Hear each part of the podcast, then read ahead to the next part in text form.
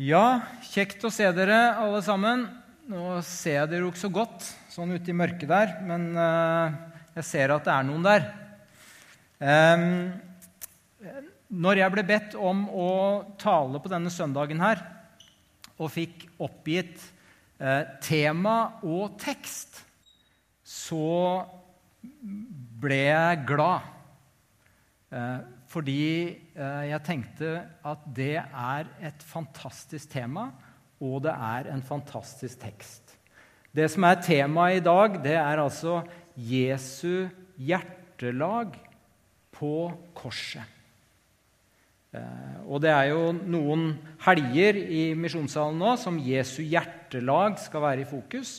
Eh, og denne helgen så er det altså Jesu hjertelag på korset. Og Teksten som eh, jeg skal tale over i dag, den er hentet fra Johannesevangeliet, kapittel 13 eh, og vers 1. Der står det sånn Det var like før påskehøytiden, og Jesus visste at hans time var kommet, da han skulle gå bort fra denne verden og til sin far. Han hadde elsket sine egne som var i verden, og han elsket dem helt til det siste. Det er teksten vår i dag. Eh, og det er altså på slutten av Jesu liv. Det er den siste dagen Jesus tilbringer sammen med vennene sine, sammen med disiplene sine. Og så står det at Jesus vet hva som skal skje. Og så er det avskjedstid. Han tar avskjed. Han har samlet sine nærmeste venner til måltidsfellesskap, til bønn og avskjed før han skulle kjempe den siste ensomme kampen. Eh, og så er det sånn at eh, altså disse, de, de, fire, de fem neste kapitlene de eh, kalles for Jesu ypperste prestlige bønn. Det er liksom den, den eh, avskjedskapitlene der hvor Jesus eh, er sammen og taler til, til disiplene sine i Johannesevangeliet før han eh, går inn i, i lidelsestiden. og så er det sånn at i de tolv kapitlene før teksten vår er, så, det, så, brukes ordet agape, eller kjærlighet, det brukes seks ganger gjennom de tolv kapitlene. Og i de neste fire kapitlene så brukes agape 31 ganger. Så her i disse kapitlene som, som kommer nå, så, tar, så, blir vi liksom tatt inn i Jesu hjertespråk. Det er noen kapitler og noen vers som oser av Jesu omsorg for vennene sine. Og i vårt vers så beskriver Johannes altså at han elsket dem helt til det siste. Og Det verset er litt vanskelig å oversette til norsk fordi det har en, en dobbel betydning. Eh, på den ene siden så, eh, så, står det at han elsket dem på en måte til enden, eller til slutten. Eh, men det kan også bety at han elsket dem fullstendig eller fullkomment eller grenseløst. Og antageligvis så har Johannes ønsket at begge disse betydningene skulle liksom klinge med når han skrev dette. Og så er det tre hovedpunkt som jeg har tenkt til å stanse ved i dag. og Så kan du følge med på de tre hovedpunktene, og så vet du hvor vi er i talen. Eh, og de tre punktene det er at Jesus elsket dem til det siste for han selv, for Jesus selv. Det er det første. Eh, og dernest til det siste for oss, våre liv. Og endelig til det siste for verden, altså for enden, eh, til enden for verden. Men vi begynner med 'til det siste for Jesus'. Timen var kommet da han skulle gå bort fra denne verden, eh, sto det altså innledningsvis i, i verset vårt. Det er mye vi kan undre oss over ved lidelsesfortellingen.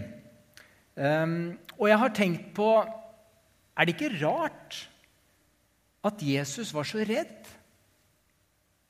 Er det ikke litt merkelig at Jesus var så redd? Det står at han ja, I Getsemane så var han så redd at han, at han svettet blod, står det. Altså han, han, var så sjokkert og så rysta at, det, at han fikk en kroppslig reaksjon som innebar at han svettet blod. Eh, og han, og han eh, bruker ord som angst og, og gru og han sier til disiplene sine at 'nå er jeg tynget til døden av sorg'. Og når han ber, så ber han om det er mulig, så la dette beger gå meg forbi. La meg slippe, ber han. Og når vi leser gjennom kirkehistorien eh, og, og hører om om de, de, de, tidlige kristne, men også kristne opp igjennom i historien, så, så hører vi om, om, om disse martyrene, de, de, som på en måte døde pga. troen sin. At at de jublet da de gikk døden i møte. At de sang lovsanger, at de frydet seg over at de ble funnet verdige til å lide og dø for det de trodde på. Og så er altså den store forskjellen Det var det at det var på grunn av Jesus og det Jesus led, at de kunne møte døden med trygghet. Hva betyr det? Jo, snart skal det reises tre kors på Golgata. Det er tre forbrytere som skal få sin rettferdige straff. Det er tre forbrytere som skal møte døden. Og han i midten, den uskyldige, han var mer skyldig enn alle andre. Det betyr at han, som var livets opphav, han som er selve livet, han som er selve kjærligheten. Han som er hellig, ren, og som hater det onde. Han får smake en eksistens uten Guds nærvær. Uten kjærlighet. Når Jesus nagles til korset på langfredag så skjer det som Bibelen forteller oss, på en måte er helt utenkelig. For det som skjer, dreier seg ikke bare om at Jesus identifiserer seg med oss, med vår, med vår svakhet, eller, eller smaker lidelse, sånn som alle andre mennesker. Og det er ikke et, et symbol på at han aksepterer oss som vi er. Nei, det står at Gud gjorde ham til synd for oss. Den rettferdige ble faktisk urettferdig. Jeg vet ikke om du har sett sånne, jeg husker når jeg gikk på, på søndagsskolen, så hadde vi sånne illustrasjoner hvor man liksom har Jesus som en figur. Eh, og så ser vi at han bærer en sekk opp på korset. Eh, opp mot korset. Og så er det en illustrasjon på at Jesus tok all vår synd på en måte med seg i denne sekken opp på korset. Eh, men den illustrasjonen er egentlig ikke så veldig god. Det, det er fint for å forklare barn. Men det Bibelen sier, er ikke altså at Jesus tok med seg en sekk med, med syndene våre. Nei, Bibelen sier at Jesus ble synd. Han ble en synder. All verdens synd ble han ett med. Det var han som sendte millioner av mennesker i gasskamrene under andre verdenskrig. Det var han som torturerte og voldtok og drepte unge jasidijenter i Irak. Det var han som lemlestet og drepte ungdommer på Utøya.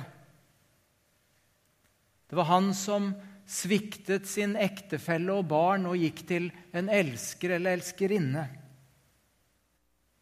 Det var han som begikk incest og bedro sine, sine nærmeste, de mest sårbare. Det var han som var besatt av pornografi eller avhengig av andre ting som han ikke klarte å legge fra seg. Det var han som benytter enhver anledning til å skryte og fremheve seg sjøl fremfor andre. Fortelle om hvor gode karakterer han fikk, eller vise hvor flott kropp man har.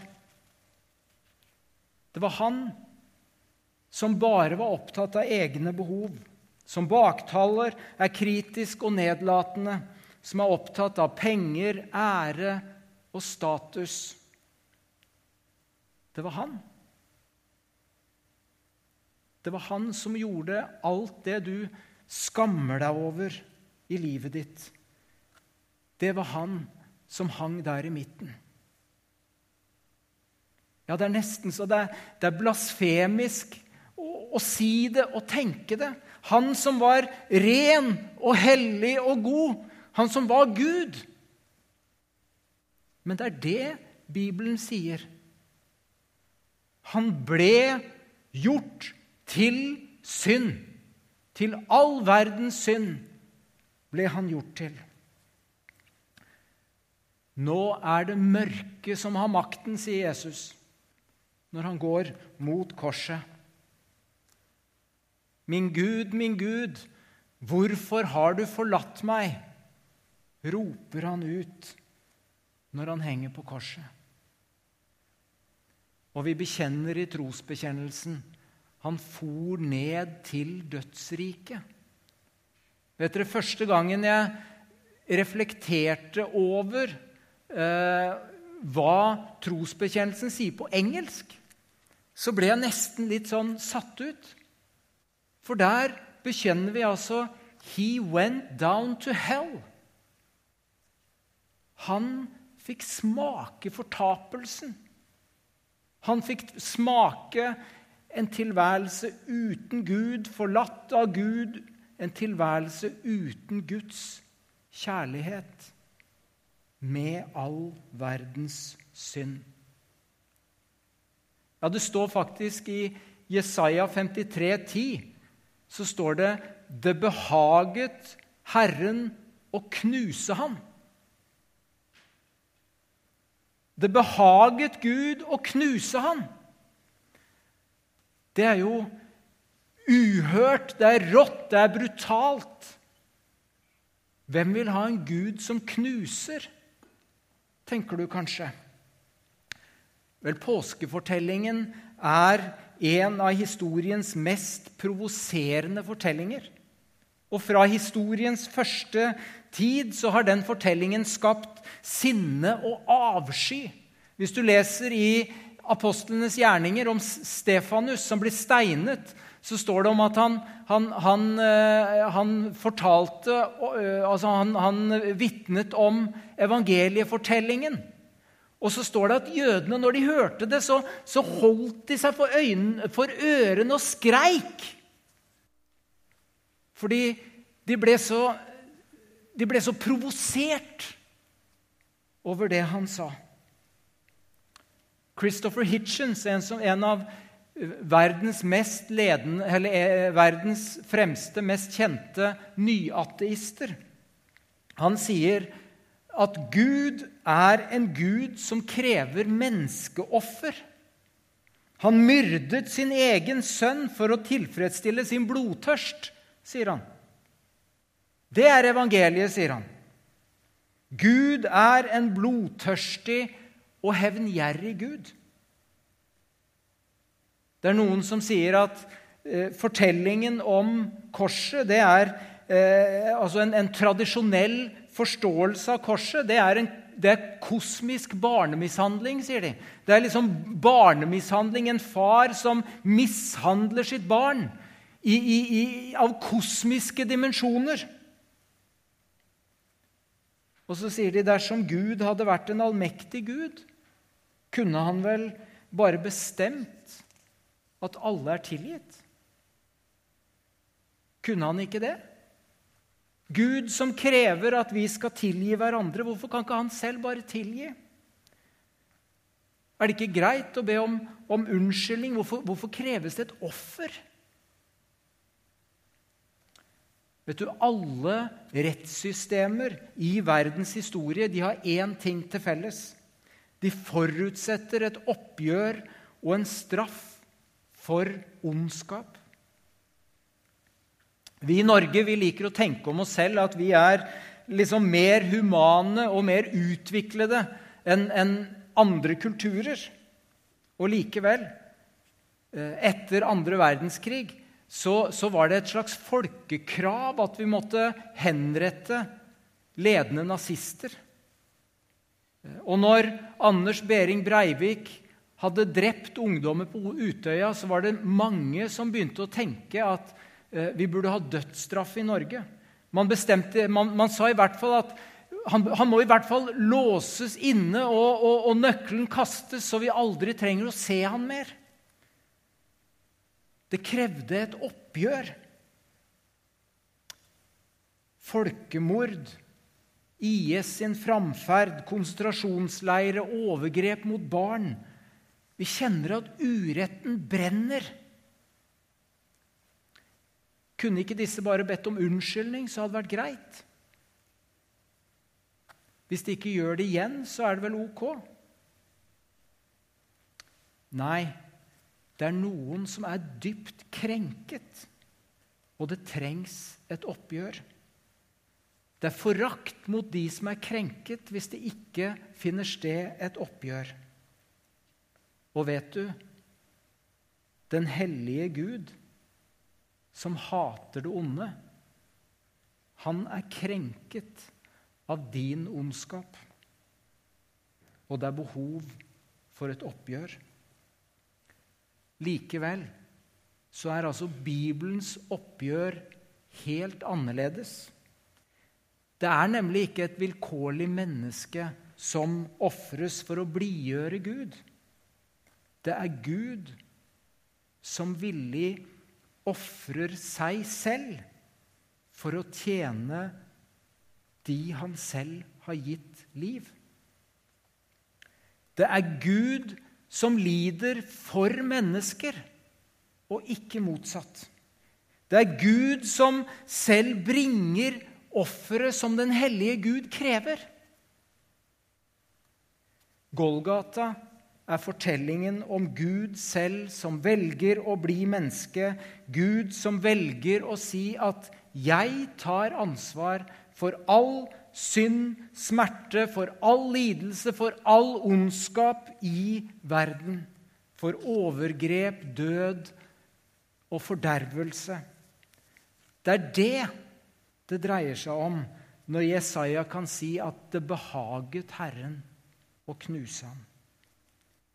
Her vinnes evig seier over ondskap og død. Det er det onde Gud gleder seg over å knuse.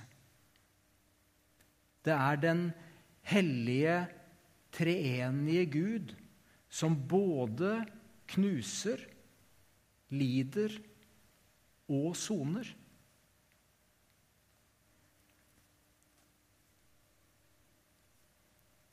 Vi kan egentlig ikke forstå det. Men vi forstår én ting.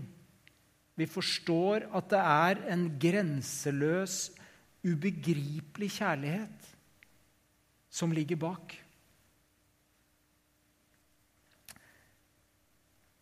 I en sang så synger vi 'Jeg tror det skjønt jeg fatter ei'. Han elsker syndere som meg. Peter sier faktisk i 1. Peters brev at ikke engang resten av liksom den himmelske hærskare kan forstå ordentlig hva som skjer på korset. Kristi lidelser og den herlighet som skulle komme, er noe selv engler lengter etter å se inn i, sier Peter. Han elsket oss til det siste. Han elsket oss til det ikke fantes krefter og hjerteslag igjen i kroppen. Han elsket i møte med mørket. Ja, han elsket like inn i ondskapen fortapelsen og inn i Guds hellige vrede. Husker du responsen fra Gud i syndefallsfortellingen? Hva er det du har gjort? Hva er det du har gjort? Gud visste at syndens lønn var døden, ja, døden for han selv. Hvem kan tenke på den smerte uten med et såret hjerte? Om endog, om, om det enda hadde vært en synder som led, men her led den evig høye. Smelt mitt hjerte, gråt mitt øye, se, her lider hellighet. Det synger vi i påskesalmen 'Naglet til et kors på jorden'. Se, her lider hellighet. Det var det første punktet, og det var det lengste, så dere kan slappe helt av. Det blir ikke tre ganger så langt som dette. Han elsket til det siste for seg, men han elsket også til det siste for oss det siste enden av våre liv. Jesu hjertelag innebærer at du ikke trenger å frykte for enden av ditt liv. Du trenger ikke frykte for døden og dommen.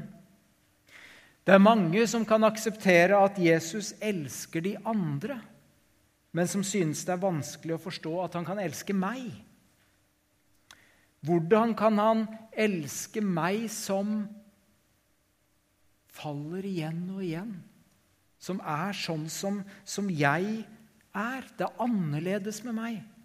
Jeg har prøvd å bli bedre, og jeg prøver hele tiden. Men jeg får det ikke til. Det er annerledes med meg. Husker du når Peter møtte Jesus? ved Genesaretsjøen etter oppstandelsen. Husker du samtalen mellom Jesus og Peter? Jesus spør, 'Elsker du meg?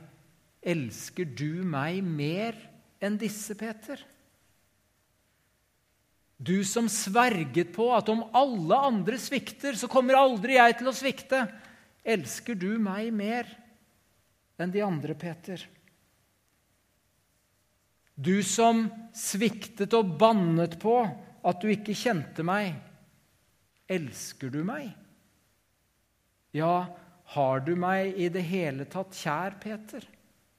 Bryr du deg om meg? Du som handlet sånn som du gjør, sånn som du er.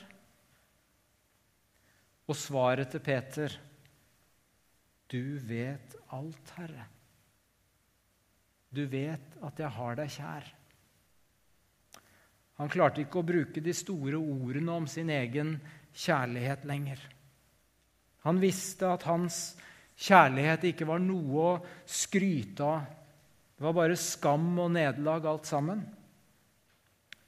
Men vet du, jeg har tenkt, eh, jeg har tenkt på at det er ett spørsmål som ikke ble stilt der ved Galileasjøen. Det er ett spørsmål som mangler.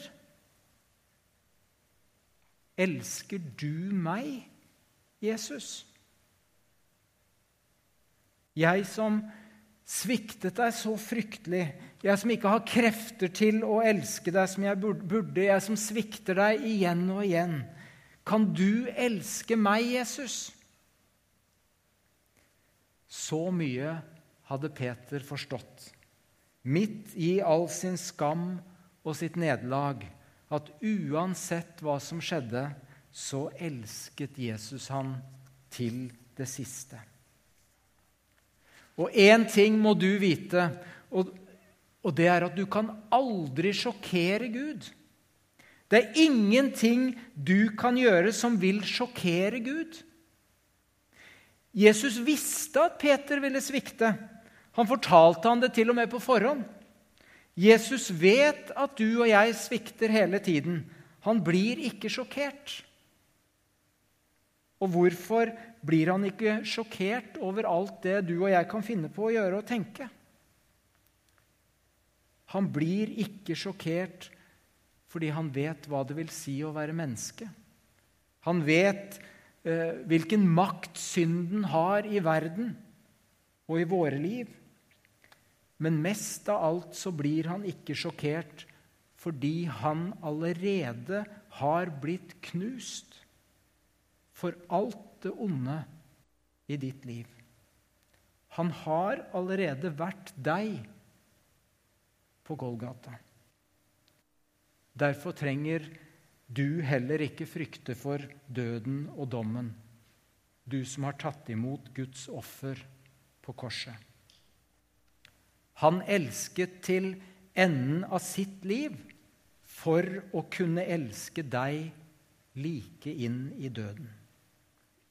Og så bekjenner vi hver søndag at han som elsket til det siste, han som har vært deg på Golgata, han som selv har sonet all din synd, han er den som skal dømme.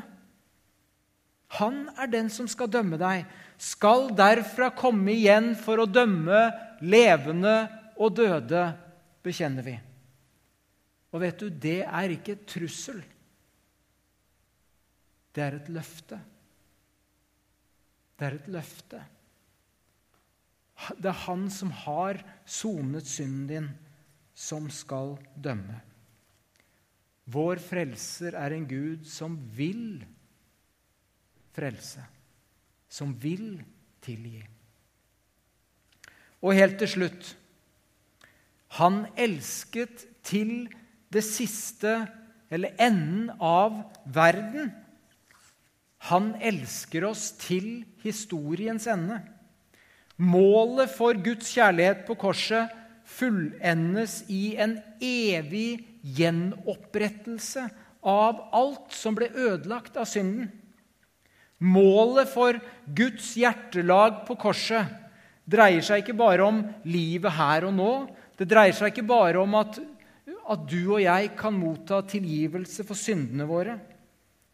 Det dreier seg om at Gud, som har skapt alt, at han skal gjøre alt helt igjen. Gud skal reparere alt som synden har ødelagt. Denne verden skal skapes på nytt, uten dødsrikets krefter som, som bryter ned og ødelegger alt som ødelegger den verden vi bor i, som ødelegger vårt forhold til andre mennesker, ja, som ødelegger vårt forhold til oss sjøl, og som ikke minst ødelegger relasjonen til Gud. Kroppene våre skal bli nye. Forholdet til våre medmennesker skal repareres og bli helt som det var tenkt fra begynnelsen. Og ikke minst forholdet til Gud skal settes i rett stand. Alt skal bli nytt. Johannes' åpenbaring, kapittel 21. Vi skal lese de versene til slutt, vers 3-5. Og jeg hørte fra tronen en høy røst som sa, Se, Guds bolig er hos menneskene. Han skal bo hos dem, og de skal være hans folk.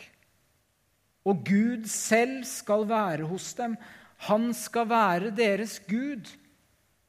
Han skal tørke bort hver tåre fra deres øyne, og døden skal ikke være mer. Heller ikke sorg eller skrik eller smerte, for det som en gang var, er borte. Han som sitter på tronen, sa, Se, jeg gjør alle ting nye. Han elsker oss like til det siste. Og så er det vår redning. Og så er det vår frelse. Og så er det vårt eneste håp. Amen.